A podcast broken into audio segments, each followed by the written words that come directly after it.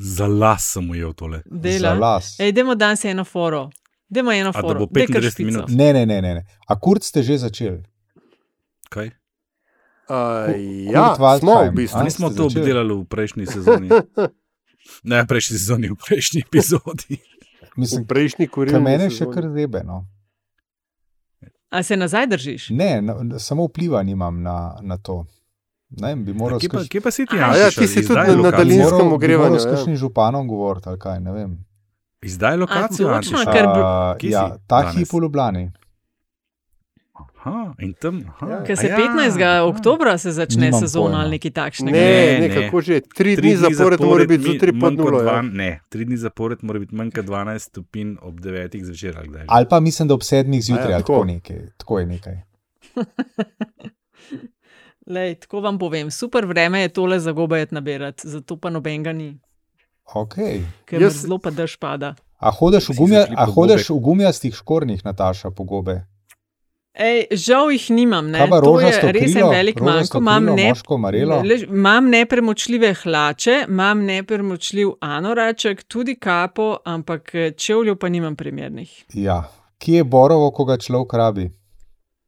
Zdaj se je kmal božiček, pa nov let. Pa to. Nataša, zanč mi je nekdo začel razlagati nekaj prav besno o retrogradcu, pa o Saturnu, No, vidiš, pa o ne parijel, vem ne. kaj vse. Jaz sem bil klih malo zaposlen, sem rekel, hej, lej, a lahko prosim, šefico pokličeš. Ne še, Štefico in Štefica sem sporoča, da se drugega desetega to izteče. Mečkam bo še rep vlekel za Dobro sabo. je. ampak v naslednji, v naslednji epizodi bomo že ta pravi, zdaj pa Sta hudega ven. Piči špico. Tis, tis pa v Ljubljani, pa sploh nič ne pokličeš, ne mislim, tis pa tudi ten čehej. Ja, če te Če imaš v na mislih, pet dan. Skozi sem te No. imel v mislih. Primorc. Noče ti direkt povedati. lej. Primorc. Zdaj si kaj pa je ironija, Antiša? povej, Da sem se mim tebe pel mal prej. a res? Ja, seveda. No, evo, mem greš, pa ne Kdo, pokličeš. kdo zdaj Pa ne kliče? ne Ja, pokličem. Kdo Ne. zdaj ne pokliče? Pred nami je časna naloga. Drugače mislečih je tukaj samo ene pari in vemo, kdo so. Malo me boste zrinili iz mize, gospodje, ampak hvala. Gremo vsi na morje in se tam pozdravimo. Se ne Če hecamo. bomo s to današnjo razpravo še dolgo časa nadaljevali, se pa zna zgoditi, da bomo ljudi Jaz odgnali. eh, na takem formatu ne morem sodelovati, ker ne vidim v tem popolnoma nobenega smisla. To je LDGD, podcast, ki nikogar ne podcenjuje in ničesar ne jemlje preveč resno. V imenu svojih najbližjih in v božjem imenu vas pozivam na lov. Starter je šel. Z vami smo torej Aljaš Pengal Bitenc, Radio Chaos, Antiša Korjan, Andraž Zorko Valikon in Nataša Briški Metina Lista. To pa je LDGD podcast, ki nikogar ne podcenjuje in ničesar ne jemlje preveč resno in še posebej ne politike. Um, sporočilo za vse imam, uh, pisal nam je Urban. Uh, Aljaš, ti bo še posebej vesel. Za LDGD piše najboljša politična oddaja na slovenskem, vključujoč, pazi zdaj, avdio in video. Ne? Yeah. To je to. Pravi, da naj ga večkrat spomnimo na doniranje, kot v prejšnjem podkastu. Urban, hvala lepa. Uh, se pravi, ok, kaj imamo, admin, mi vemo, da imamo sponzorko ne, uh, za Pejmo se, to je Mekana Sara oziroma Afna Jinksovje, to imamo. Plus imamo tudi napoved uh, zelo zanimive nagradne igre, ampak to bo po oglasih, oziroma ob koncu, ob koncu nocojšnje tokratne Pa epizode. ne, ne, Zdaj ne pa, vas, a, Aljaš, ti eh, si Nataša, čist- prosti, ker si izpadla neresna. Ne vas od šefice smeh ne zavede. Prosim? Stvar je resna. Tako da ustrajate do konca. Tako je. To, Ni to je na res, ja, čisto resno.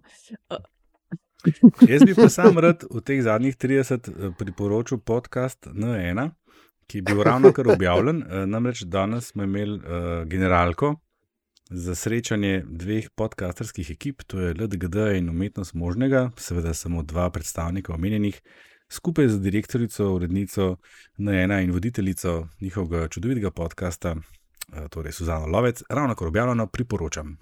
Naslednji je kdo? Um, čak, ti si bil, zdaj pa ok. Teme, A ja, jih čakaj, Andraš, ti misliš, ti misliš, da čas teče v tisto smer. Hm, zanimivo. A se komu zdi, da gre naprej? ali kaj?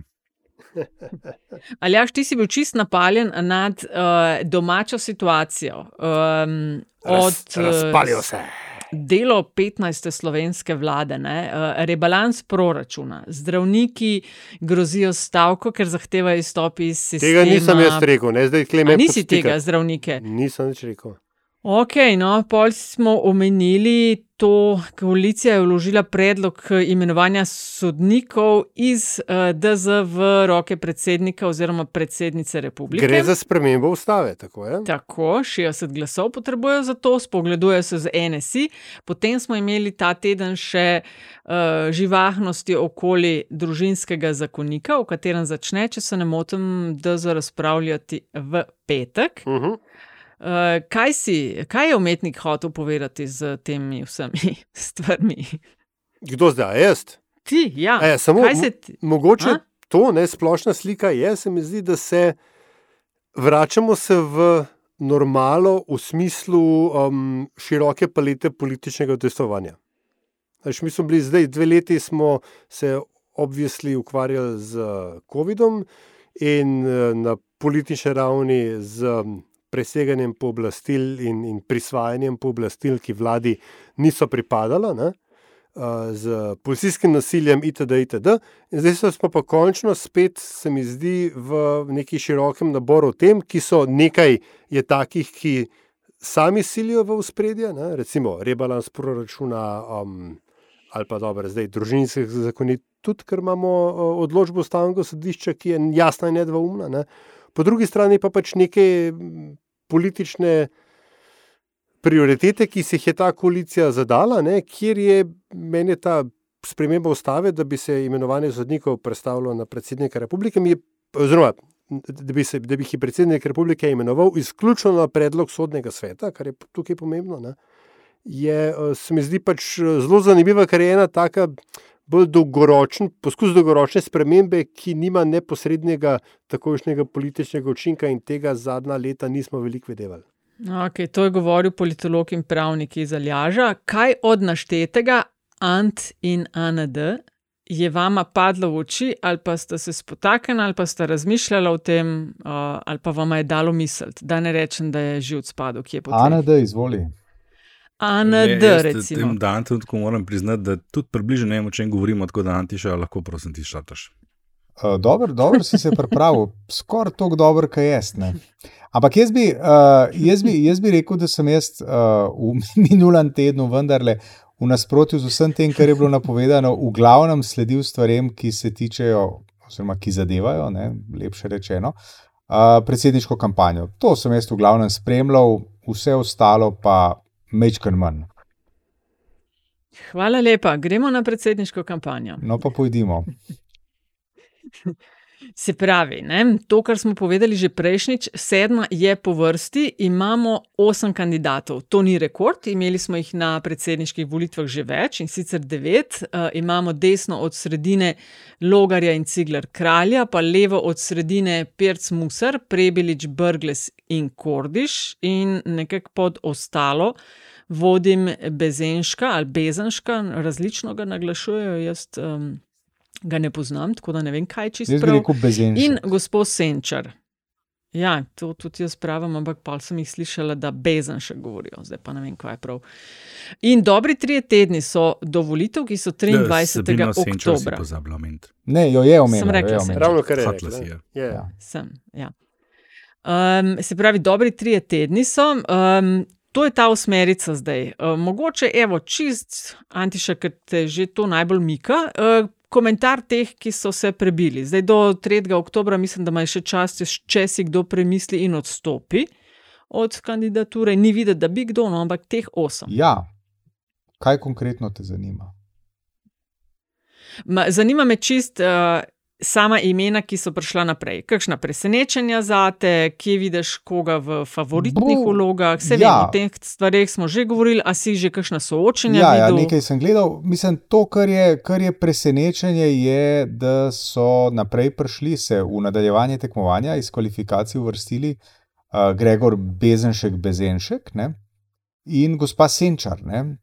Medtem ko na drugi strani, na drugi strani je uh, Ivo Weigl kot uh, rutinirani politik, z, tudi na najvišjih pozicijah, uh, uh, se udejstvoval v politiki, od uh, člana Evropskega parlamenta do uh, diplomata v več državah v Evropi, do ne nazadnje zunanjega ministra in državnega sekretarja na zunanjem ministrstvu, mu pa to ni uspelo. Ne. Tako da to je tisto, kar kar se meni zdi v bistvu res zanimivo, ne? da dvojec Senčar Bezenšek je šel naprej, medtem ko Feigl pa ne. ne. O Martiku smo že veliko povedali, tako da jaz predlagam, da se o tem niti ne pogovarjamo več. Uh, tako da bom z zanimanjem prisluhnil, kaj mata in na kakšen način zapovedati, oziroma povedati, ne, brez za, uh, v nadaljevanju kampanje ki pa, za katero se pa jaz bojim, pa mislim, da nisem edini, tudi ne v tem našem četvrcu, da bo oziroma je že malce upehana. O čemer tudi Aljaš ve, kaj povedati, kaj ne Aljaš. Kako sploh drzneš uporabiti besedo na uf? Uh, ne, re, resno, mislim, to se mi zdi tako. To se mi zdi um, kampanja, ki se je zelo zgodaj začela, Uh, in uh, v bistvu se mi zdi, da smo o marsikom zvedeli že vse, oziroma ja, vse in tudi več ne, uh, od tega, kar, kar je za zvedeti v času uh, pred volitvami, ko nekdo kandidira za neko izpostavljeno mesto. Mm. Jaz mislim, da je to za en zelo pristranski, da ne rečem, um, singularen pogled na zadevo.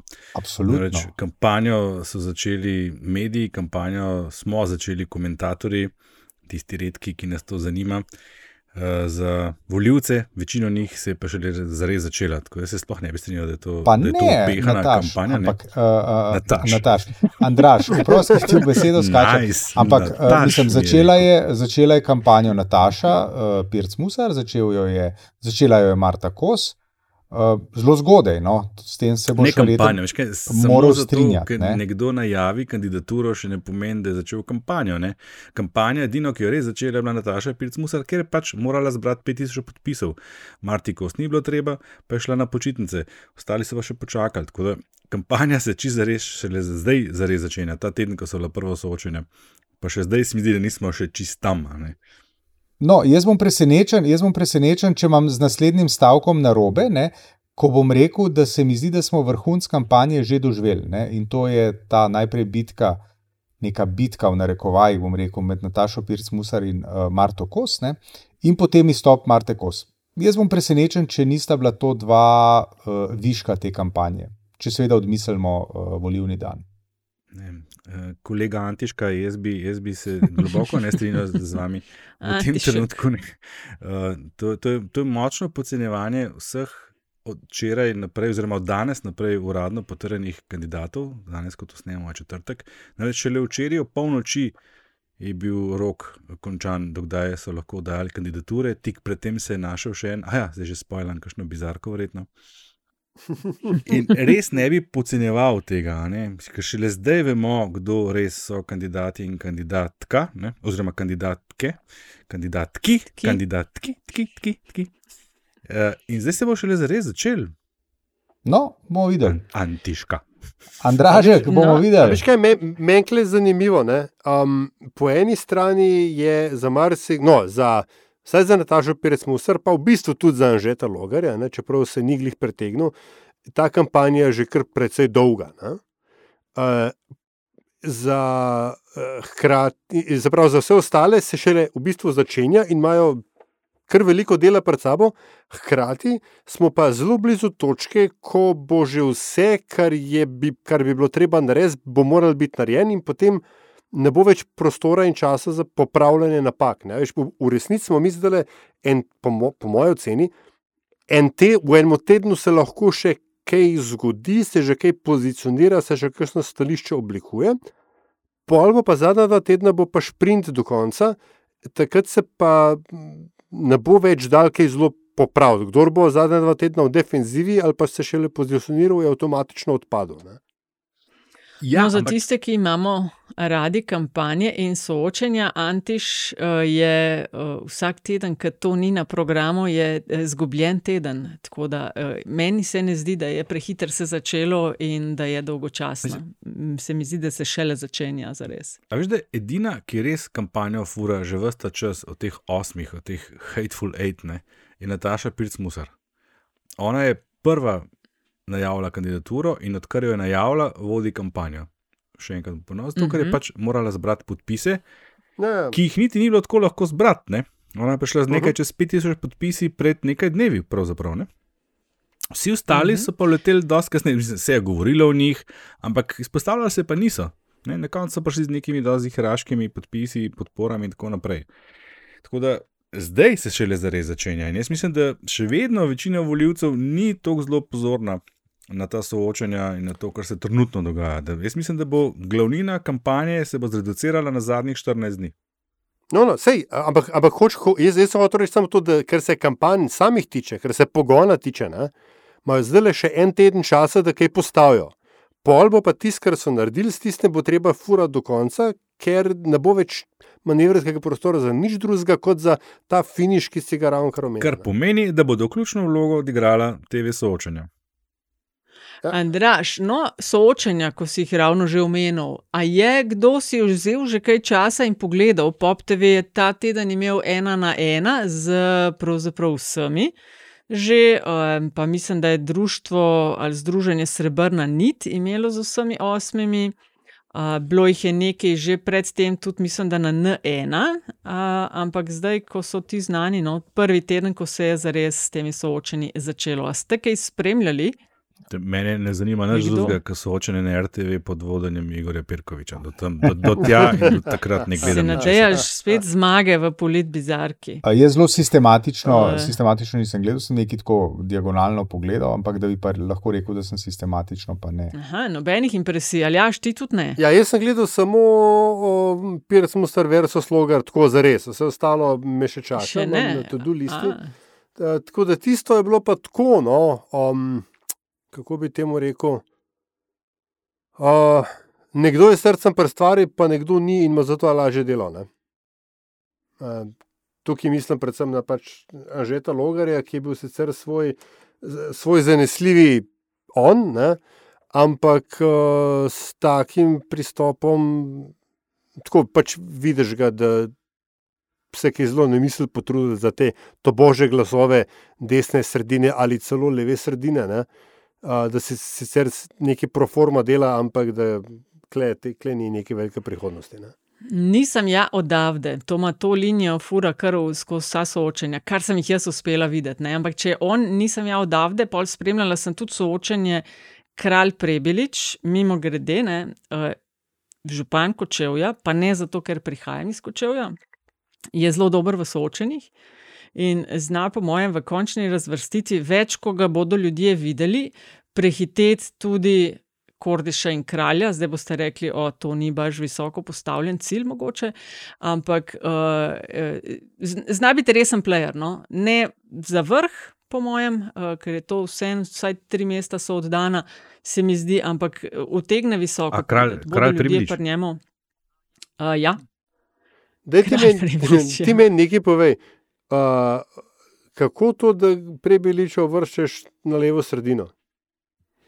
Um, zakaj pa ne? Ne, ne vem, ne, preglej, vprašaj tako honestly. Ker, Levo uh, od sredine ga, ker nima desno, glede social issues, ni na desni strani, se pravi ta odnos do splava, do LGBT, solidarnost, eh, pomagajmo si, eh, bil je tudi član svoje čase SD-ja. Da, to ni baš neka Uh, kvalifikacija ker je- za levo sredino. No, no, ampak ni bil član SDS-a no? pa, ali pa NSI-ja, kjer bi ga zelo jasno postavljal v eno drugo smer. ne. Okay. Um, tudi um, se ne drži nazaj, ko gre za kritiziranje mm, tudi Janševe vlade in tako dalje. Kot župan, pa seveda kot vsak župan, ne, na lokalnih ravneh pa niso tako zelo distinkcije po partijski liniji, kot so na nacionalni ravni. Ne. Tam so pa vse druge zgodbe, uh -huh. ko je treba sodelovati na različne strani. No, ampak, a veš, kaj je uh, od Cigler kralja vzdevek?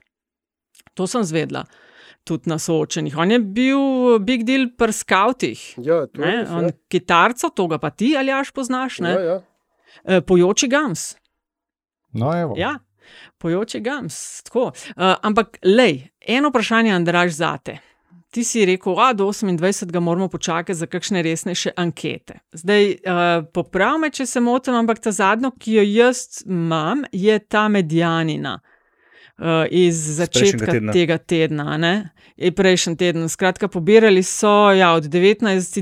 do 22.9. Še preden je zares Brgles Pa Vajgel je Eh, bil še not, pa še postal. raznorazni, Tako, ja. en kup jih je bilo noter. No, ampak na teh, a, ok, najprej. A imamo že kaj bolj svežga? Ja, Ni, ne. mislim, jaz imam, ne. Je.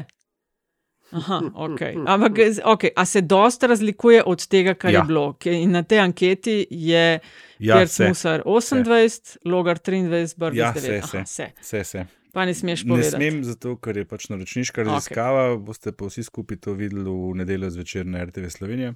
Lahko okay. pa sam to povem, da, da daj, no, so majčken. stvari drugačne. To, kar sem jaz skozi napovedoval, a ne prvi realen rezultat bomo dobili potem, ko bodo znani kandidati. Zato smo tudi tokrat sodelovanje z RTV počakali na rok. Še včeraj okay. sem rekel sodelavcu, da je vsem počakati do polnoči, kaj pa veš, še kakšen vesolcu leti, pa smo se pol malo smejali danes zjutraj ob sedmih, ker je res v letu in vesolc s šestimi podpisi, ki ga seveda nismo vrstili na listo. Uh, tako da imamo, bomo, mislim, bomo imeli prvi popolno listo izmerjeno tako hitro, kot se da. No. In so, ja, so razlike. Mhm, s- so razlike. Ja. A, je, penti mi gre na živce, kaj ne vem. Ne vem. Po Povej. jutrišnjem zvečer. Ja, kaj mi to pomaga zdaj? Na tej točki bi jaz mogoče pozval k um, minuti molka, ali pa vsaj desetim sekundam molka za gospodično singularnost, ki je objavila, da um, odstopa od predsedniške kampanje um, in eh, pivota na ustanovitev nove platforme političnega in psihoanalitičnega gibanja.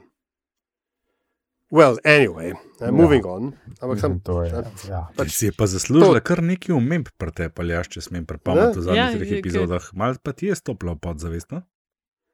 ja, No. pa sej vendar je psihoanalitičarka, sej zna. ne? pa zna, ne? No, ne vemo Veš, še. kaj sam še okej, čakamo, za- v kakšni od naslednjih epizod, bo Ljaš rekel, no, ni na krajnju, ko meni bi zdaj le rekla,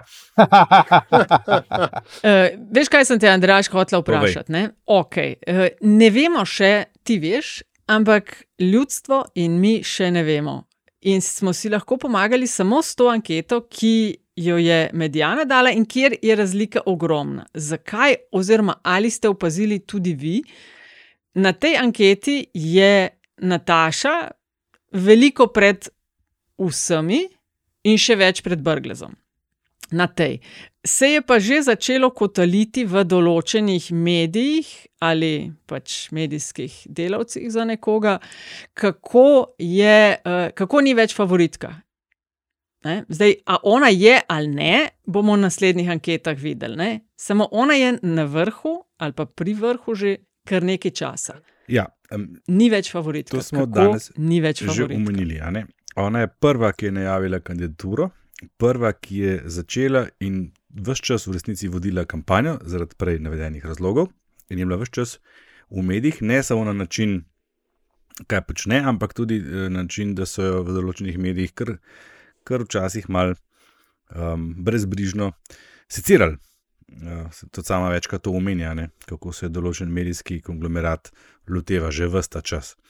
Ona ima to prepoznavnost, ki smo jo že večkrat omenili, in to sem tudi že večkrat omenil, da so te raziskave do sedaj merile predvsem to, ne, da so se ljudje odločili za tistega kandidata na teh raznih listah, ki so se skozi spremenjali, ki ga najbolj poznajo in ki jim je pač posledično potem najbližji. Uh, in če se nekdo tako visoko pozicionira v štartu, ne, je bolj verjeten scenarij, da bo zgubljal, kot pa še dobival. Zato je bilo dost uh, zanesljivo napovedati, da bo pa ona, ko se bo začela zares, prej zgubljala kot obratno. Da to mene ne preseneča. Kar je ne. dost logično. Ne? Kar je, Je, je a dost ne? logično. Sploh, ker je gneča leva od sredine, malo večja kot desna. Druga stvar je, da se je potem v nekem momentu pojavil uh, Brgles, Milan Brgles, ne, ki smo ga označili v preteklih epizodah za Game Changer, z lepo slovensko besedo. In na to je še dva dni nazaj odstopil od kandidature, od namere kandidature, kandidature uh, Ivo Weigl in javno napovedal oziroma pozval ne tisti, ki so mislili njega podpreti, podprejo Milana Brgleza. Če se spomnite, pred časom sem napovedal, da ko se bo Milan Brglez pojavil v prvi anketi, da bo imel med 10 in 15 odstotki glasov. Medijana je večkrat zgrešila, mu je namenila 9, ampak že v eni od naslednjih meritev, pa ni nujno to, kar sem jo danes omenil, bo Milan Brglez zrasel precej visoko. Že samo zaradi tega, ker je že s prvo meritvijo pokazal, kaj je njegov doseg. Ne? Kot član stranke SD je že v prvi meritvi, brez kakršnega koli pojavljanja, za 3 odstotne točke presegel rezultat stranke, ki pripada. In ko se enkrat začne ta igra, ne, ta dinamika, ko začne nekdo rasti, nekdo padati, in šele takrat, ko začnejo volivci zares gledati, ok, pravzaprav pa res, če tri tedne bo treba na ulice, koga bomo pa volili, pa šele začnejo dolati te sile iz ozadja, ki niso sredi iz ozadja, ampak uh, misli pri voljivcih, koga pa res in zakaj. In zato se bo rezultat spremenil. Ko se bodo pa enkrat kandidati začeli približevati med sabo, pa začnejo pa delovati še druge silnice. Ne? Pravi, predvsem ti taktični razmisleki, ki sicer niso tako izraziti kot pri državno-zborskih volitvah, ker tle ni tega antimomenta, letos pa sploh ne, ker ni pahorja. Ampak vseeno, ne, si bo nekdo rekel, ne, kaj bi če veš tega podprl, zato da ne bo um, ne, pa ne da ga za neki ful ne mara, -hmm. ampak ne, ni pa zdaj njegova prva izbira, ta, ki ga bo volil, in tle se pa začnejo stvari čist drugače odvijati. Zato jaz pravim, da je Ja. uh, The Game is on, to sem začel, mislim, da tvitnu, stvar je popolnoma odprta. Uh, trenutno kaže tako, da so možni trije pari v drugem krogu, kar se mene tiče. Ne? Torej, vse možne kombinacije med Pirc Musar, eh, Logar in pa Brgles. Mm. Da se pa pojavi še kdo, ki bi pa vtegnil tle še malo zamešati štrene, sicer manj verjetno, ne? ker za štiri enako močne pa že nekako zmanjka voljivcev. Ne? Eh, Tle bi pa mogoče omenil, da morda, ampak to je res tako, a long shot je, je mogoče prebilič tisti, ki bi lahko posegel v to Mhm. bitko, ampak ne na način, da bo res on pa še do drugega kroga, ampak da bo enemu od njih tegnil Mhm. drugi krok. ne. Tako, ja, Zelo ja. dolg je bila interpretacija, um, da um, Logarju skoraj ne more uiti drugi, drugi krok. Ne? Pa me zanima, Draž, kako se ti zdi zdaj ta napoved? No, sej sem Ja, rekel, sej, ne. ampak vse kako- tri možne kombinacije. In so enake, in so enake po tvojem, mislim tako. Ne, enake ne, ne to ne. Uh, pri Logarju se je v bistvu stvar spremenila v trenutku, ko, ko se je na prizorišču pojavil Cigler kralj.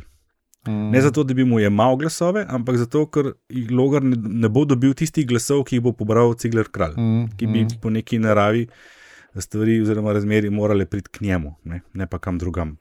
Uh, če bi se zgodilo to, ne, kar se vtegne zgoditi, da bi pač Milan Brgles se približal Nataši Pirc Musar in Anžetu Logarju, Ja, je, je pa tudi to možno. okay. Sicer mislim, da je manj verjetno, ampak je pa čist možno, da se recimo v drugem krogu pojavita pa Pirc Musar pa Brgles. Uh, Antiša, zdaj čak mislim, da je Andraš, ti si govoril zdaj med drugim tudi o tem izživljanju nad Natašo Pirc-Musar strani nekaterih. Zdaj, ona je objavila. Ja, ja, ta izraz sem jaz uporabila, da še poudarim to, kar se dogaja, ker eh, nihče od kandidatov ali kandidat ni ničesar podobnega deležen kot ona. E, Zdaj, tle ona je- Nujno, Nataša, je pa Ja. tudi res, da nihče od kandidatov in kandidatk ni toliko nastopal svojo kampanjo v tem času kot ona. Veš, No, sej sama to se je ni bolj bo moje izpostavljala, to je vprašanje. tudi res, In imel Sej, takšno sej. prednost. Ne? Sej to Ja. uh, želim glih vprašati. Ne?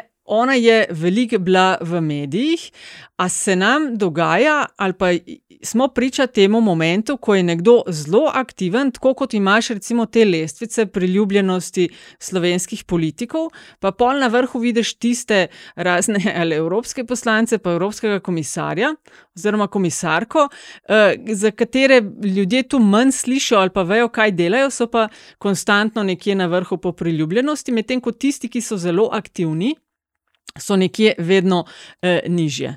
Uh, in pač, da imajo ljudje še vedno rajš, vsaj v anketah, tiste, manj, ki slišijo o tebi, rajte imajo. A smo klele.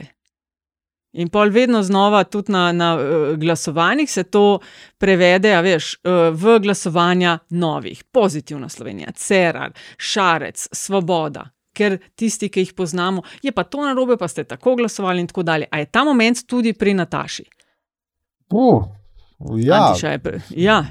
To sem malo razmišljala, ne? a veš, ker, ker ja, seveda je zgubila, mislim, zgubila. Več, ko je kandidatov noter, seveda, nekje moraš zgubljati. Ne? Več, ko se v tebi sliši in posluša, več, ko si prisoten in toliko intervjujev, nastopov in vsega, nima noben niti blizu. Ja, ne. mislim, tisto, kar me, Seveda je tisto, pol kar mene za napade. preseneča, oziroma se mi zdi tako, ajde, bom rekel, vprašljivo, ne, tudi strani medijev, je to, rekel, nesorazmerje v um, doslednem preverjanju enih, ene, v tem primeru Nataše Pirc Musar, in drugih, ne, tako kot si ti rekla, Nataša. Ne? Nataša, Nataša, Nataša. Same Zdaj Nataše. same Nataše, Um, uh, Nat- Nataša Pirc Musar je dejansko uh, deležna uh, zelo temeljitega, bom rekel, žargonsko, uh, medijskega nabijanja. Ne? Mm, tisto, kar se mi zdi pa mogoče večkam problem, ne, v veliki meri zaradi moža, niti ne zaradi sebe in tega, kar je v preteklosti počela, ampak zaradi tega, kar počne oziroma je počel njen mož, ne, kar se pa meni zdi tako, mogoče mečkam nefer, no, a smem ta izraz uporabiti. Uh, jaz bi, Mhm. se mi zdi smiselno ukvarjati se z njo uh, in njenimi grehi. Uh, prav bi se mi zdel pa pustiti uh, to, kar je počel njen mož. Ne? Ker vendarle ona kandidira. Se spomnite, veš, na parlamentarnih, kakšne dramice so bile pri pivec in tistem bogem stanovanju nad uh, McDonald'som. E, ali pa, um, kaj že ta kandidat na predsedniških, Arhar bil, Ki je imel ki je 3000 par evrov preveč plače ali nekaj takšnega. Andraša smo še vedno klele, da Slovenci alergično reagiramo na vsakogar, ki ima več kot uh, garsonjero in starega, 20 let starega golfa. Nataša, kdo je predsednik vlade? Na Kakšno sej, katrca, ja. ja. Nismo več. Kaj nismo Ja, tam. več? To ne pali več. To smo že pred uh, državljanskimi ugotavljali. Ne pali več. To so golobo poskušali ne, na ta način. Kakšno plačo je imel, kakšne nagrade dobiva, ne vem kaj. 400 tisoč glasov je dobil. Ne, to ne pali več. Je- skratka, s takim več. pristopom, ne, češ koliko pa ona zasluži, pa koliko ne. To, to Pa je preživeto. to je preživeto, kar- to. Kaj moramo razumeti? Kar neki slovencev v zadnjih dveh letih veliko zaslužili. S koronskimi dodatki. Ne? Vse se mal identificirajo, pa vse sem pošteno zaslužil, zakaj me zdaj tle kaj slabega si mislil o nekomu, ki je tudi pošten zaslužil. Ne, ne, to, je- to je preživeta stvar. Konc, aha, da smo ven iz Ja, tega. ja. To je sicer dobro slišati, ne? bi pa jaz vendarle, Ja. ja. mogoče sem večkrat, um, pa ne strinjal z uh, Antiša in Nataša, z vama, okol, okol tega, ali je Aleš Musar legitimna tarča ali ne. ne? Um, dokler je on šef, bil šef štaba in dokler je on v štabu in svetuje in tako dalje, se mi zdi, da ni nič narobe s tem, da je uh, on tudi, pač, kaj se temu reče, predmet medijskega um, preučevanja. Zdaj, kakšno seveda to preučevanje je, uh, o tem se lahko pogovarjamo. Uh, mislim, da mm, je treba vendarle ugrizniti tudi v to kislo jabolko in reči, da dejstvo, da je Nataša Pirsmuser edina top-tier kandidatka ne, v, v, v tej kampanji, igra verjetno vlogo pri pristopu, po domače povedano. Če bi bil na njenem, v, nje, v, nje, v njeni vlogi moški kandidat, mislim, da tako besnega zatikanja in utikanja mogoče ne bi gledali. Je pa tudi res, da se zelo, zelo dolgo ni zgodilo, da je imel ne- nekdo dolgo časa tolikšno prednost. Ne? In kot vsi vemo, medije ljubijo dobro tekmo, in če ima nekdo dolgo časa veliko prednost, to ni dobra tekma in je pač potem že nekako iz naslova samoohranitvenega ali pa generiranja klikov, jo treba narediti zanimivo. Ne? Eno pod vprašanje, se morda kdo spomni, kje je bil pred desetimi leti Tjrk s prednostjo? Nikjer. Ni imel take prednosti. Nekako imam v glavi, da se je govoril, da to bo gladko, drugi krok, dokler se pač ni začelo tisto šivanje štumfov in ostalo. Mislim, Ni bil ap, take apri, prednosti. aprila se je reklo, to bo gladko. Prvi krok, ki smo si rekli, ah, Borod Pahor, vsi se vendar spomnimo, kako je zavozil državo. Ne? Uh, ampak potem dejstva, seveda v kampanji niso igrala nobene vloge. Uh, Borod Pahor je vodil briljan, briljanten kampanjo tisočih stiskov rok, kot se temu rekel. Danilo Tirk in uh, uh, štab njegov uh, je šel, ne? smo šli, so šli, kakorkoli. v uh, kampanjo z napačnimi predpostavkami, ne? in potem so bile prve ankete, in bilo bi najprej še, ah, ja, pa se to ne more biti res. Ne? No, pa, pa potem pa, Andraš, smo prišli pa do točke, ko je bilo več tri tedne do prvega kroga, pa ni bilo več dovolj časa za kakšen resen pivot, pa pa ni za časa zmanjka za karkoli, pa je bil pa šok, ne? pa je bilo pa 37 postov v prvem krogu in v drugem glih, koliko je ne toliko. Ne? Pa se, a Um, veš, ne, da- se, to se mi zdi ful Ja. dober primer, eh, predvsem pet let nazaj. Ne? Um, če bi argumenti, nastopi, ne, ne nastopi, nastopi, ne, argumenti, ko si še imela Nataša, nekaj drugega, še stališča, hm, hm, programi, vrednote in ja. take stvari, ki je štele, ne. Pol najbrž ne bi imeli pred petimi leti v drugem krogu dvobe med Pahorjem in Šarcem. Ne. Kaj se hoče zdaj s tem povedati? Da je predsedniška tekma ena posebno druga tekma, ki, je, ki jo moramo tudi na ta način opazovati. To, to je čist drugače kot državno-zborske volitve, čist drugače kot lokalne volitve. In da tle čist druge, druge uh, silnice delujejo na to, kako se ljudje odločajo. To pa je v spredje in tudi ne deluje, če ena stranka reče, to je naš kandidat, da bodo vsi, ki so za nje, ne. ne, glasovali ne na parlamentarnih. Tako. Mislim, pre, predvsem je pač veš, ta um, uh, diskonekt ne, med uh, stališči, ki jih tako mediji, kot do neke točke uh, javnost zahtevamo od kandidatov. Ne, ali boste, ne vem, ali podpirate zdravniško stavko, ali morajo imeti medicinske sestre više plače, itd. itd. Ne. To so, kar je seveda v redu, ne, pač vprašanje, ampak to so vse teme, kjer predsednik republike ima manj kot nič vpliva. ne. Tako, ne. Mora imeti pa mnenja, a veš. Uh, uh, tako da, medtem, veš, če bi ga pa kdo vprašal, ali bi imenovali vem, kandidata za ustavnega sodišča, ki bi eh, koketiral s skrajno desnico, tega pa me ne vpraša. Ne? Ne še, upam. Ja. Ker to pa je ena od pristojnosti. No, Tako, to smo ne. klepetali glih pred začetkom snemanja. Pristojnosti predsednika republike. Ne. A bi po vašem mnenju, Antiša, moral imeti predsednik Slovenije več pooblastil in pristojnosti, ali je to, kar je po tvojem, čist dovolj? Ja, veš kaj, bolj ko gledam, ne, v meni ni nobenega ustavnega pravnika, v meni. Ne. Tako da, mislim, jaz bi bil pre, uh, prevzeten, če bi, uh, če bi si domišljal, da lahko kvalificirano in to smrtno resno mislim, odgovorim na ta vprašanja. Pa ne. se to ni vprašanje za Na to- ustavnega pravnika. Nego, V najboljšem primeru za politologa, ampak predvsem pa vprašanje za državljanke in državljane, tako da si eminentno kvalificiran, da odgovoriš. Veš kaj, ne, ne vem, ne, zato ker, um, tega, ker tukaj je vendarle toliko enih vprašanj, ki jaz niti ne vem čist dobro, kako bi jih naslovil. ne. Um, No, uh, je, pa, je pa tako, no, mislim, da je uh, predsednik republike v Sloveniji v 30 letih se je izkazalo, da je to, kako se reče, tisti neki pregovor oziroma rek obstaja, ne, da um, posameznik lahko oblikuje funkcijo.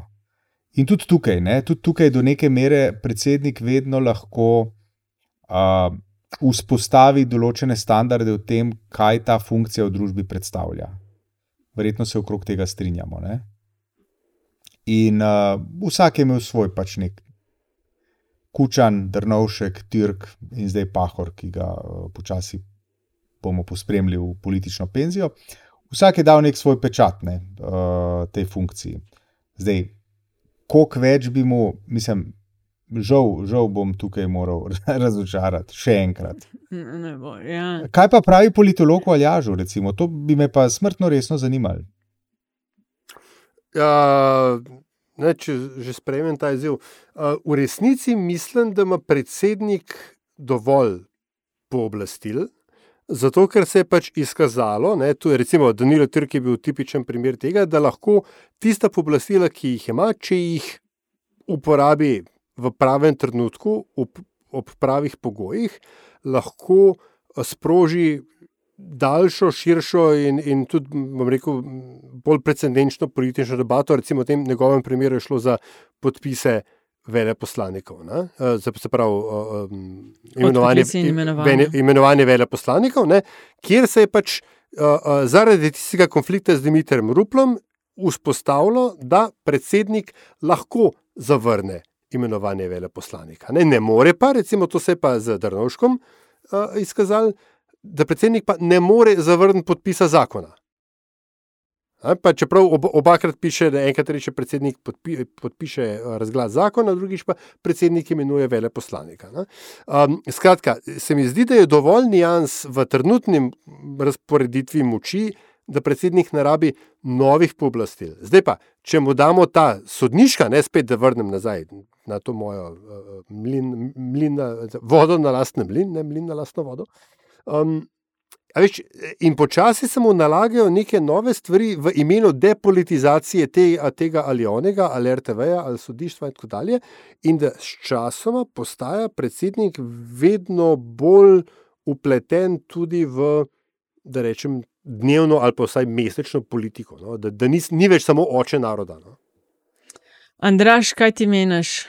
Bi dal več, ali se ti zdi, da je čist dovolj in pač lahko imamo kraljičko svojo? Ja, vsi vemo, zakaj je tako, kot gre. Ne? Zakaj je ta funkcija tako omejena, kot je. Treba se samo vprašati, ali so časi še vedno taki, da mora biti tako omejena. Smo pa videli v zadnjih dveh letih epidemije, da vendar ni tako nepomembna, kot smo, smo jo mogoče opisovali deset let nazaj. Mm, ne vidim pa pravega razloga, da bi imeli pa dva močna lika. Je pa res ne. To je edina funkcija, ki je neposredno izvoljena na tako visoki ravni. Ne? Z tega vidika bi si, si mogoče zasluži še kakšno ingerenco več, ne? ker potem bo tudi beseda Mm, tega mm. človeka uh, imela bistveno večjo težo, pa že zdaj ima lahko, če pravem času izrečena. Ja. Ja. Tako da jaz bi Ja. se, če me direktno vprašaš, bi se nagibal k temu, da ja. Da Jaz to ni samo. Teoretično, Andra, ne. ja. Če se na, navežem na to, kar si rekel, da, če sem te prav razumel, ne, da uh, ni potrebe, da imamo dva močna lika v, uh, na vrhu politike. Sem te prav razumel? Ja, tako nekako. Ja, ma jaz pa, jaz pa teoretično, ne, teoretično mislim, da to bi bilo v redu. Da imamo mi dva močna lika, ki en drugemu po možnosti ali pa najbolj predstavljata uh, um, Nasprotna pola. a? nasprotna pola. Ja. Ampak, ja. ampak, ne. Problem je pa, ker smo Slovenci in ker smo v Sloveniji. Ne. Ker tukaj smo Mhm. tako strašansko razdeljeni, da se mi zdi, da bi dva močna politika ne, a, lahko pelala tudi v a, še močnejše konfrontacije, kot smo jim priča zdaj. To bi bilo pa slabo. No, zato, v družbi, v družbi. Konec koncev, kjerkoli v svetu obstaja to. Mislim, a mi vemo, kdo je formalni predsednik uh, vlade uh, ZDA ali pa, ali pa Rusije. Ali pa, ali pa Ja, kdo je Vedeli smo, recimo- ali Pa, ZDA je predsednik države. Ne. Ne. Ja. Ja. sploh, Vedeli smo, dveh, ne. recimo, ko je bil Medvedev, ja. ko je bil Medvedev predsednik Rusije, smo vedeli, kdo je predsednik premijer, vlade. ki načeloma, Tako je. ki načeloma ni. Za Francijo, recimo, so tudi bolj kot ne podpisovanje. Ampak, lej, čist na hiter. Uh, jaz, mislim, tudi uh, bi uh, skromno rekla, da nisem kvalificirana za to ali ja ali ne, bi si pa želela, da ima več pristojnosti, oziroma da nimamo na tem mestu z edina funkcija izvoljena nekoga, ki je samo kraljička. Lej, izdaja listine o ratifikaciji, v redu, tudi lahko kdo drug to dela. Odloča o pomilostitvah. Lej, imamo tudi kakšne sodnike, ki lahko o tem odločajo. Postavi in odpokliče veleposlanike. Zdaj, veleposlaniki se drugje imenujejo, on ne postavlja in ne imenuje nič, samo podpiše za res. Oziroma, Ne, lahko ne. ni ne? res. Glej, Uh, lej, prijavijo se veleposlaniki na razpis, izbere jih komisija in to ime potem pride pred predsednika. ki ima diskrecijsko pravico, da Tako. reče: odjebi v troskoku. In to je, Tako. ampak, ampak druge tega nima. Tako, razglaša zakone, Ja. uh, razpisuje volitve v državni zbor, uh, podeljuje odlikovanja, uh, na zahtevo državnega zbora mora izreči mnenje o posameznem vprašanju. Lahko zahteva sklic izredne seje. Uh Mhm. -huh. Mislim, predlaga sodnike ustavnega sodišča. Again, ne, lahko predlaga kogar če, če ta nima podpore v DZ-ju, vozi nazaj, tako kot je vozil v zadnjih dveh letih. Ne. Uh, in upravlja druge zadeve, določene z ustavo. Ampak recimo Nataša predlaga mandatarja, ne, kar se je izkazalo, kar se je izkaza- izkazalo v ne tako daljni preteklosti, da je uh, to zelo pomembna funkcija oziroma zelo pomembna odločitev. In še nekaj je, ne, uh, to pa to, se navezuje na to, kar sem prej rekel, ne, da v bistvu vsak posameznik oblikuje funkcijo. Bi potegnil usporednico z ombudsmanom, z varuhom človekovih pravic. Mi smo imeli tukaj eno serijo eh, takih in drugačnih ombudsmanov. Ne? Zapomnili smo si koga? Verjetno smo si zapomnili Hanška, ki je bil proaktiven, ki je hodil, ki je delal probleme, ki je skakal, ki je kričal in tako naprej. Ne? Mhm. Uh, Mar si koga drugega si pa, ki je bil, pa Ampak pač, ima tudi. ki je bil funkcionar, ker... ki je bil funkcionar ja. z, uh, uh, verjetno z šoferjem ali s čimer že koli je bil, ne, je to pelal bolj kot ne birokratsko. Ne, in čigar mnenje ni prav veliko štelo. Ja, ampak viš, kaj si glih Hanška omenil. Uh, tudi kot uh, ta ombudsman za človekove pravice, imaš zelo, zelo veliko moč, ker uh, ali jaš kaj že lahko ustavno obtožbo ali ustavno nekaj lahko sprožijo, kar je zelo velika zadeva. In kar, ja. kar recimo v zadnjih dveh letih tega ni bilo veliko. In ko govoriš o tem, koliko lahko kdo oblikuje funkcijo, vsaj je imel orodje, ki lahko resno kaj poseže. Ne? Pa eni so to posegali, eni ne. Če pa nimaš niti orodij, pa kaj. No, ampak, dej, to, ampak ravno to, gled, ti si naštela. Naštela sem to, kar piše. Ja, ne? in seveda. Antiša je pač omenil še njegove uh, predsed, predsedničine, da bomo videli, kako se bo iztekel uh, pooblastila v zvezi uh, pri oblikovanju vlade. Ne? Ampak viš, za, za nekoga, ki um, da bo temu reči, ima političen občutek za, pa, občutek za političen timing, je to lahko več kot dovolj. Recimo, če smo pri vprašanju um, uh, imenovanja ostalih sodnikov, če Borod Pahor ne bi bil tako trdoglav, kot je bil, oziroma imel takšno željo po ugajanju takrat Janševi vladi, kot jo je imel, bi seveda on lahko naredil neko polje preseganja delitev z kandidati, ki bi bili več kot, ki bi bili sprejemljivi za obe strani. In, in bi v bistvu sebe naredil kot recimo, povezovalni element, to, to o čemer je skozi uh, Faflov, okay. pa ni nič naredil. Ne? Ampak, veš, okay. kaj je pa on naredil? Ne? On je pa outsourcal iskanje kandidatov Petriču. Lej, v moji državi bo predsednik oziroma predsednica imel več pooblastil. Kaj če bi bila ti najprej županja, pa pol naprej? recimo, ja. Dej, za, začni na nižji. Eno lažje vprašanje za vse. Zdaj, res... Zakaj prebiliča tako pogosto omenjaš, ker ti hočeš, da on postane predsednik? Ja, zato, ker bo najmanj četrti. Če ne celo tretji. Kočev je zauzela, se vem, v Kočevu se vse začne ja, in tudi pol za nekatere končuje. Plac si delam, ja. Tako, in pomaj, dokdaj moramo kandidature razglasiti? Novembra je so lokalne. Še imamo čas, še imamo čas. Še caj, ja, Mislim, da je tretji teden novembra. Uh, in tukaj, če se še za trenutek navežem na, kar, na to, kar si govoril ti, Aljaš, ne, naredimo miselni eksperiment, pa se vprašajmo, kaj bi bilo, če bi um, predsednik republike sledil predlogu takratnega predsednika vlade v odstopu Marjana Šarca in takrat razpisal volitve. Ja, to, tudi, mislim, tako spet ne gre, ne? A veš, ampak ja. Ne, mislim, ja, mislim. Ja. Da je eno lažje vprašanje, ja. ko smo pri predsedniku. Ampak ja, imaš, imaš prav, Antiša, v principu imaš prav, seveda. Ja. Ali bi predsednik oziroma predsednica Slovenije moral imeti rezidenco? Ja, to si da. pa že pred leti sprašval. Absolutno. Ostajamo, e, potrebujemo, rabimo. Ja, Rožje zgrajene sajt. No. Una, una hiša. Ne? Ja, se imamo, ti se imamo, ja, to morajo usposobiti. Tam Titovo okay. vilo. Ja, ja tako reče. Vsako nedeljo na sprehod na rožnik, pa z državljani na čevape. Ja, pa se, mislim, pa, pač kot se odloči sam, ne, ampak jaz mislim, da bi uh, vsaj en del urada oziroma kabineta, oziroma kako se ne, temu reče. Baš provanti že, kako se odloči. Bi moral sam. biti tam, ne. En bi šel na čevape, en pa na Instagram. No, recimo. um, glede volitev, kaj še uh, bi želeli pridodati? Odpreti še jaz bi, samo, jaz bi samo pohvalil Državno volilno komisijo, ki se je tokrat um, izkazala glede pošiljanja glasovnic v tujino. Jaz svojo že imam in je prazna, in bom upisal kandidata po želji. Tako da so tokrat poenostavili stvari. Uh, in jim pozabil sem, da je bilo lani morda tudi tako, oziroma lani butl, v prejšnjem ciklu. Um, ampak vsaka, vsekakor um, vse pohvale za to, ker tokrat s pošiljanjem volivnega materiala v tujino ni težav. Hmm. Um, to je možnost, mislim, to je pa presenečenje za me.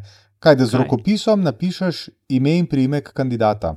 Ja, ja, jaz lahko zdaj napišem noter, hrabe in mišek pa pošljem nazaj. Veš. Ne, že, že, ampak recimo, da se boš pa, ali pa ti se ne boš, ampak nekdo se bo zmotil in bo napisal, recimo, uh, Tjaša Pirc, Zorko. Tjaša Pirc Musar. Ja, nič pa- če je- hotel reči, ne, ogromno Ali pa Miran za Brglez, recimo, neveljavne ne. Glasovnice, ne.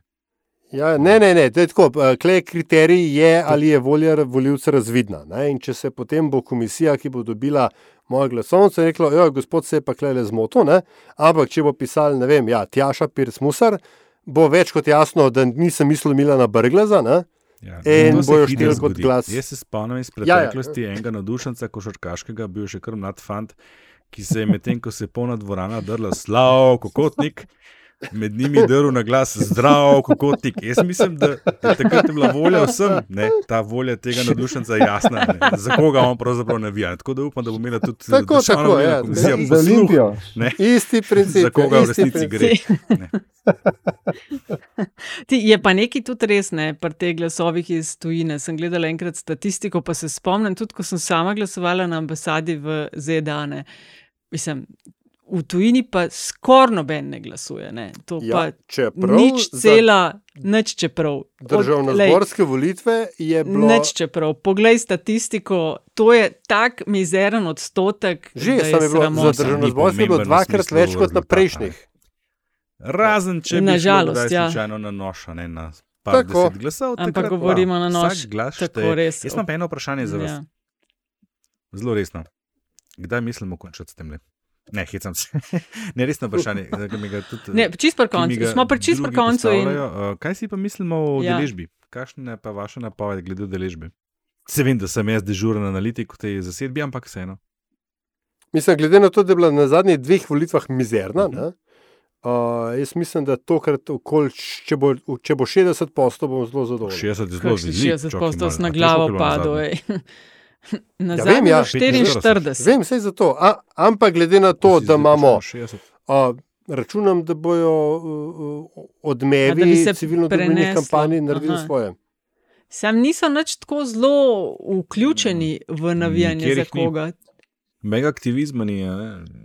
merja. Ne? Se spomnim, jaz se spomnim pred referendumom uh, o vodah, pa pred volitvami, pa še posebej, Ja, ja, ja. je bil vrvež ta, ta veš, tist, tista tenzija, tist, tista Ja. ja. energija, si jo čutil.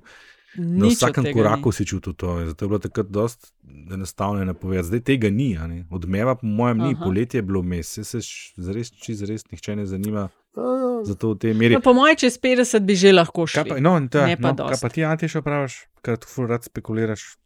Ja, ja um, bom tudi tokrat špekuliral, pa bom rekel, naj gre ta kelih mimo mene. No, no, je, no, okay. Jaz sem tlele, tim Nataša. Rekel, Mislim, da, to je res da, zelo- da si upam zelo reči, da bo več kot nehvaležno, 50, no, ampak Govori pa, uh, uspeh, bi pa seveda, ne. tako. Uh, um, moje laično mnenje je pa, je pa naslednje, ne, da smo prvič po zelo, zelo, zelo, zelo, zelo, zelo, zelo dolgem času priča volitvam, kjer ni nekoga, ki bi bil, uh, da tako rečemo, obsojen na uspeh. Ne. Če, ne, če ne celo Odprto polje. Ja. če ne celo prvič, se mi zdi. ne? Hm? A lahko rečemo, da smo prvič A. temu priča. Ja, ja seveda. Tudi recimo Ne, seveda smo. 2-7, ne, tudi recimo 2-7, ko smo bili tako. Popularno mnenje je bilo, da gre Peterle z lahkoto skozi, pa pol ni šel, ne? ampak hočem reči, ne, da to prepričanje, da tvoj glas ne pomeni nič, ker itak je nekdo potegnil in bo zmagal, ne, uh, uspava ljudi ne, in se ljudje ne odločajo za to. Tokrat pa se mi zdi, da tega momenta ni. Mm. Veš, da ga še ni bilo o, mogoče 2-2, ki je Kučen v poteku drugi predsedniški mandat in je v bistvu Drnovšek se kar na Švico, da je v drugem krogu premagal Barbaro Brezigar. Ne? Ja. Ampak je bil še zmeraj, a veš, je bil še zmeraj uh, zelo uspešen predsednik vlade, ki No, nas to pa res, ja, to res. predsednika Ja, ja, republike. fair enough, fair Mm. enough. Je razlika. Ja.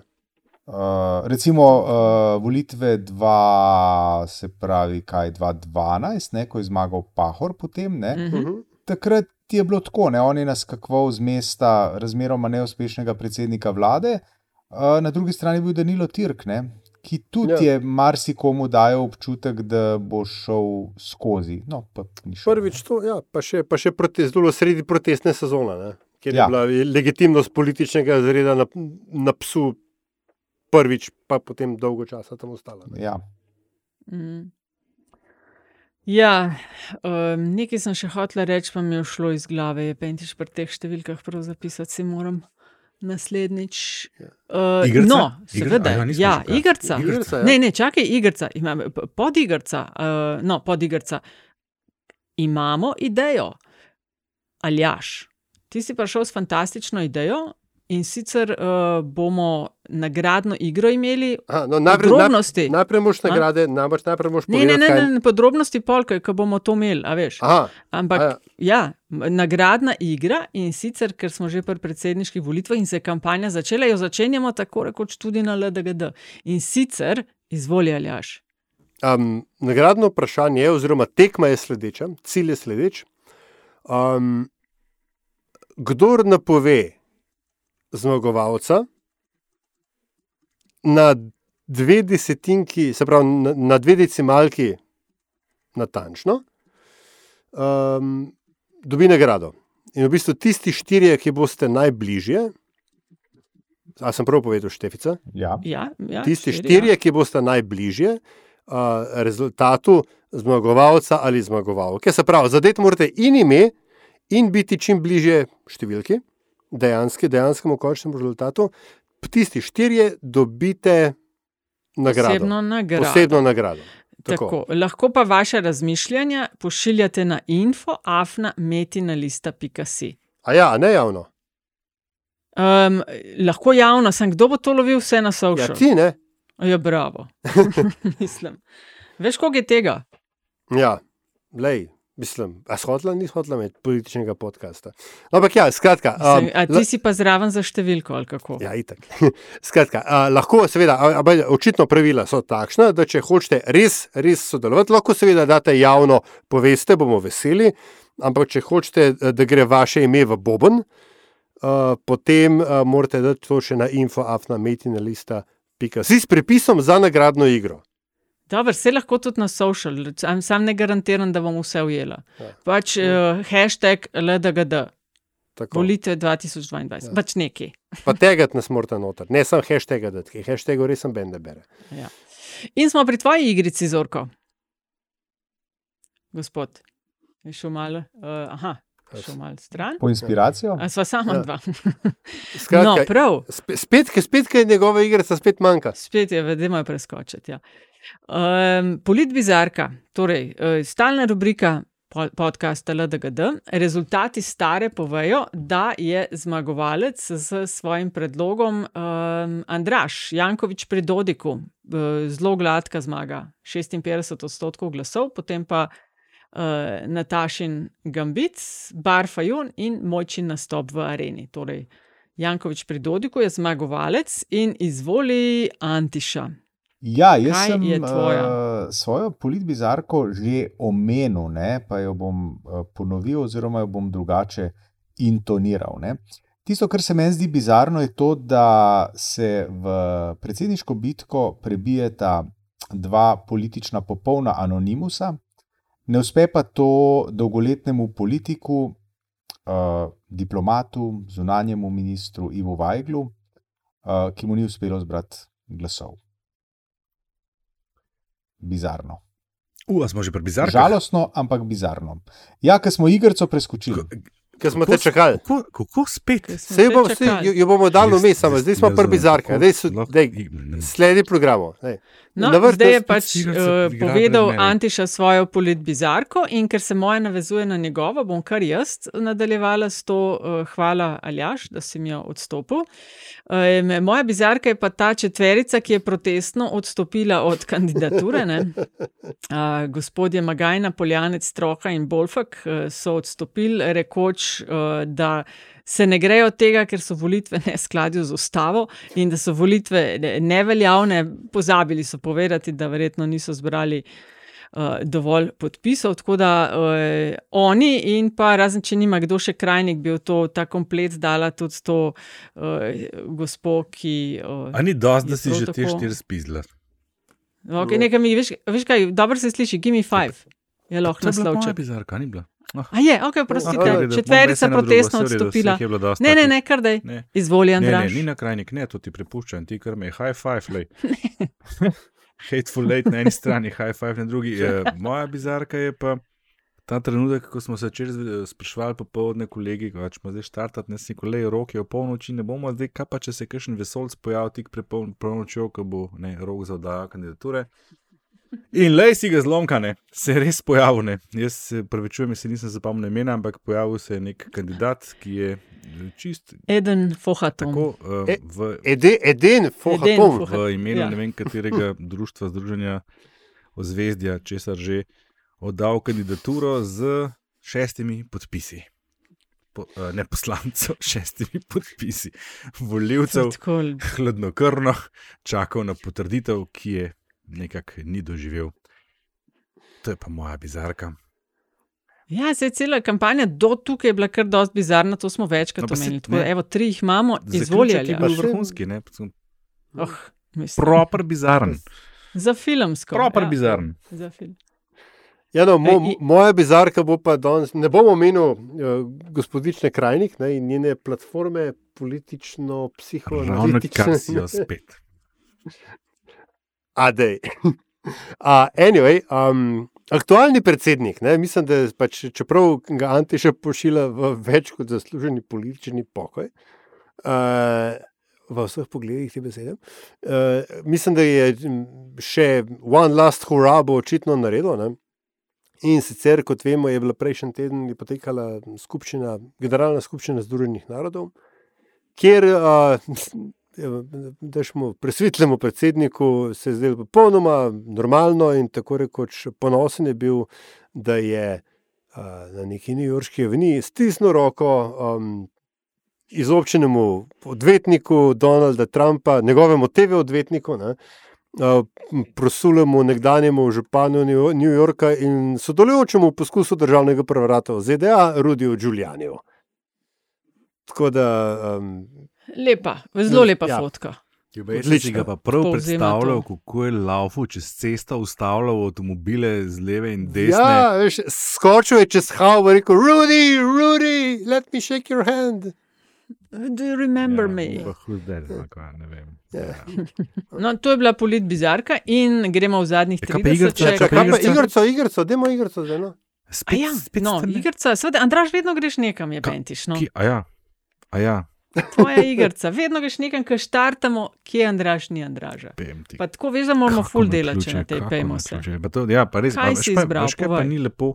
Gledati, da imamo sponzorko in jaz kot Sej, sponzorkuša, kot sem zdaj ugotovil, da sem, eh, se mi pa ne zdi lepo, ne, da nismo te igrice tako dodelali, ker bi se res podobila te- tega, tega, tega, tega, tega, roke, okay.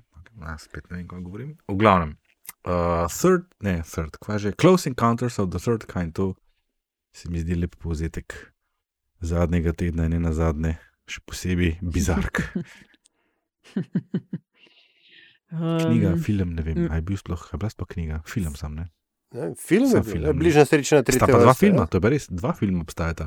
In nam Dva nikoli v zvezi s tem, jaz mislim, da bo poslušalke in poslušalce zelo zanimala ta anekdota. Namreč eh, moj pokojni oče eh, me je enkrat kot otroka pelil gledati film Bližnja srečanja tretje vrste. Rekoč, da to je krasen film, da bom pa jaz fuložil, bil sem star, ne, ne vem, 10-11 let. Kino Union, se spomnite te dvorane, sedeži naravnost, Mhm. tam si mogel imeti kar dosti visok vrat, da si kaj videl. V glavnem, pa se je izkazalo, ne, to je žal ugotovo malo prepozno, ker se je film že začel, da ni šlo za tist, tista bližnja srečanja tretje vrste, ki je on mislil, ampak za nek drug film, ki mu v resnici ni naslov Close Encounters of the Third Kind, je bil šlo, pa je šlo pa za nek drug film, kjer je Donald Sutherland igral v glavni vlogi. In je bil seveda v primerjavi z pravim Close Encounters, predvsem dolgočasen. E, končalo se je tako, da je pač gospod eh, Zorko, starejši, čez ne 10-15 minut, sem udobno spal spanje pravičnega, jaz, otrok, ubogi, sem pa tisti film do konca gledal in še danes me preganjajo prizori, in še danes imam težave, ker zagledam dol Sutherlanda na ekranu. Ja, bog je. Ja, le, kaj če je kako pač se je pa tebi zdel minuli teden? Veš kaj, zdaj se pa kar vrnila tja, kjer je Antiša štartil to epizodo. Ne? A smo začeli kurt, kurilna sezona, tako da moji favoriti ta teden, upejmo se, so Dorsi, Come on, baby, light my fire. Uf, nice. Uh, in ker si, in ker si, ker si uh, odprla uh, skrinjico z rock and rollom, bom nadaljeval in bom uh, jaz rekel. Na albumu Born in the USA, mislim, da je prvi, prva pesem na drugi, na, drugi plo, na drugi strani plošče. Na B strani je uh, No Surrender, ne? Uh, no Retreat, No Surrender. Od, uh, danes od polnoči ni več, nemam uh, uh, povratka. Ne? Zdaj, kdo je noter, gre do konca. Ti morda bi mogel še pojasniti za kakšne od poslušalk in poslušalcev, kaj to pomeni B stran. Ja, včasih so bili LP in LP je imel seveda A in B stran. A zdaj sem jaz Ja, vrsti? nekaj si napisal, Ja. ja. zdaj pa še povej. Ja. Ne, nisem, v, v bistvu sam iščem, ne, če, ampak če smo že pri a, a, m, filmih in muski, ne, bi se jaz eh, potem rekel, da je bil ta teden um, podoben kot uh, pesem Sheryl Crow, Run, Baby Run, ker uh, suddenly everybody is running for office. Lepo, si zadovoljen, Andraš. Ja, mislim, to je v bistvu bolj vprašanje za sponzorko. Ne? Jaz sem sam zorko, ona je čutim. sponzorko. Um, ja, polit bizarko smo. Ok, ne pozabiti, se pravi, nagradna igra. Še več bomo naslednjič povedali, ampak skratka, kdo bo zmagal na predsedniških, vključno seveda z drugim krogom, govorimo. Ne? Ja. In- Končni rezultat iščemo na dve decimalki. končni, natančno. na dve decimalki natančno. In zadnjih 30. Koliko je enega protokola je Benti v teh naših oddajah postalo? Še le bo v drugi Zadnjih sezoni. 30 je pa prvi um, Andraš. Ja, preden kam zgasnem ali kaj. Um, danes sem celo pripravljen, to sem se pohvalil že popovdne, čeprav sem se tega le spomnil, ker sem zdaj povedal, pravzaprav je ne pol ure pred snemanjem. Uh, ogledal sem si film eh, Elvis. Uh, rad gledam te biografske filme, resnične zgodbe, to sem že enkrat povedal.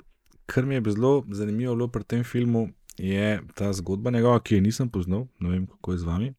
Ampak zanimivo je bilo pri njemu to, da ke v teh formativnih letih, ne tam nekje od 6. pa do 16. leta, ko je bila formacija končana, mi je on skozi mali stopil, skozi mi nekaj ni šlo v račun, pa ne govorim zdaj o njegovem imidžu.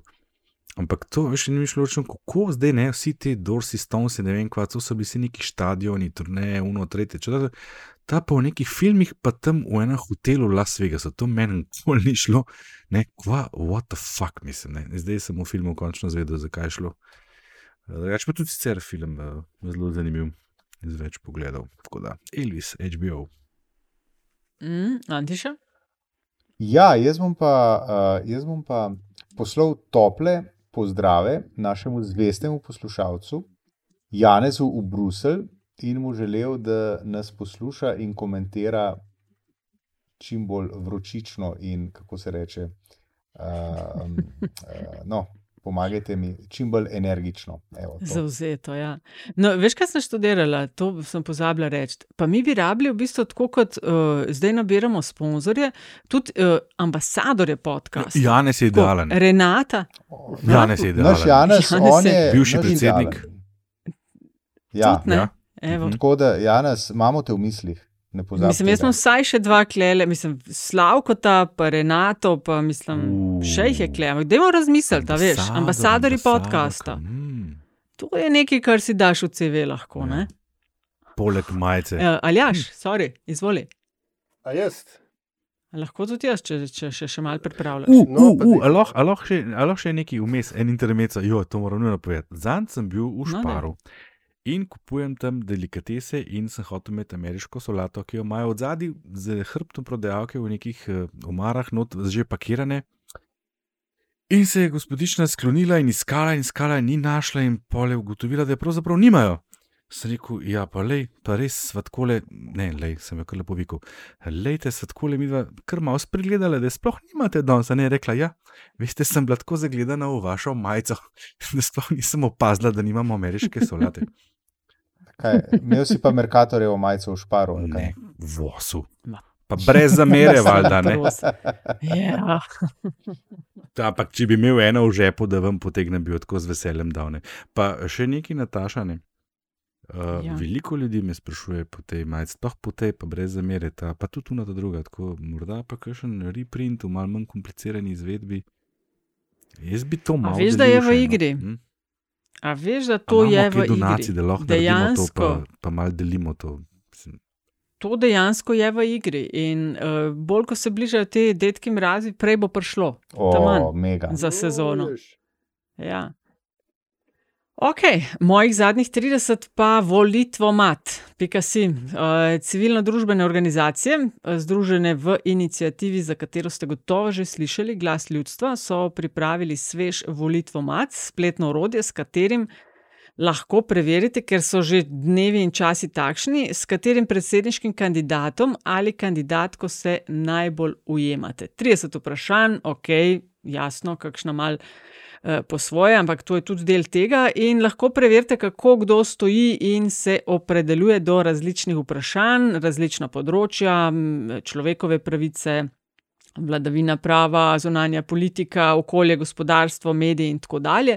Skratka, pejte na tesno vožnjo volitvomat.si. Jaz vem, da se zadnjih 30 ne komentira, ampak zanj, če nekdo prekršil to pravilo, morda sem bil jaz kapavim. Jaz sem ga dal skoraj v polit bizarke, Nataša, včeraj sem ga izpolnil.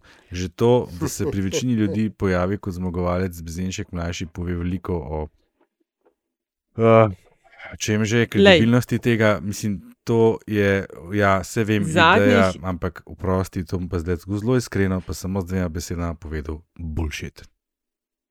Okay. Uh, ne komentiramo, to je bilo zdaj zelo nespoštljivo. Ne? to mi uh, volitvomat.si. Pejte, če ne drugega je zabavno. Uh, a zdaj sem pa jaz. Ja. Um, ne vem, popravite me, ampak ker sem jaz že en, um, če, če, še, če še nisem, potem je nujno, da to naredim.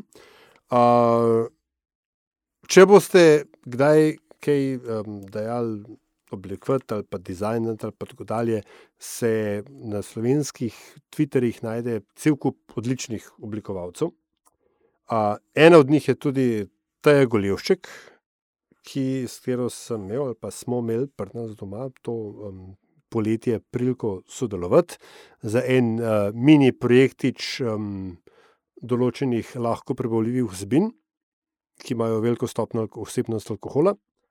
Uh, to ni važno, važno je to, da je to, kar je naredila in to, kar je oblikovala, um, čudovito um, in um, hitro, profesionalno in stoji.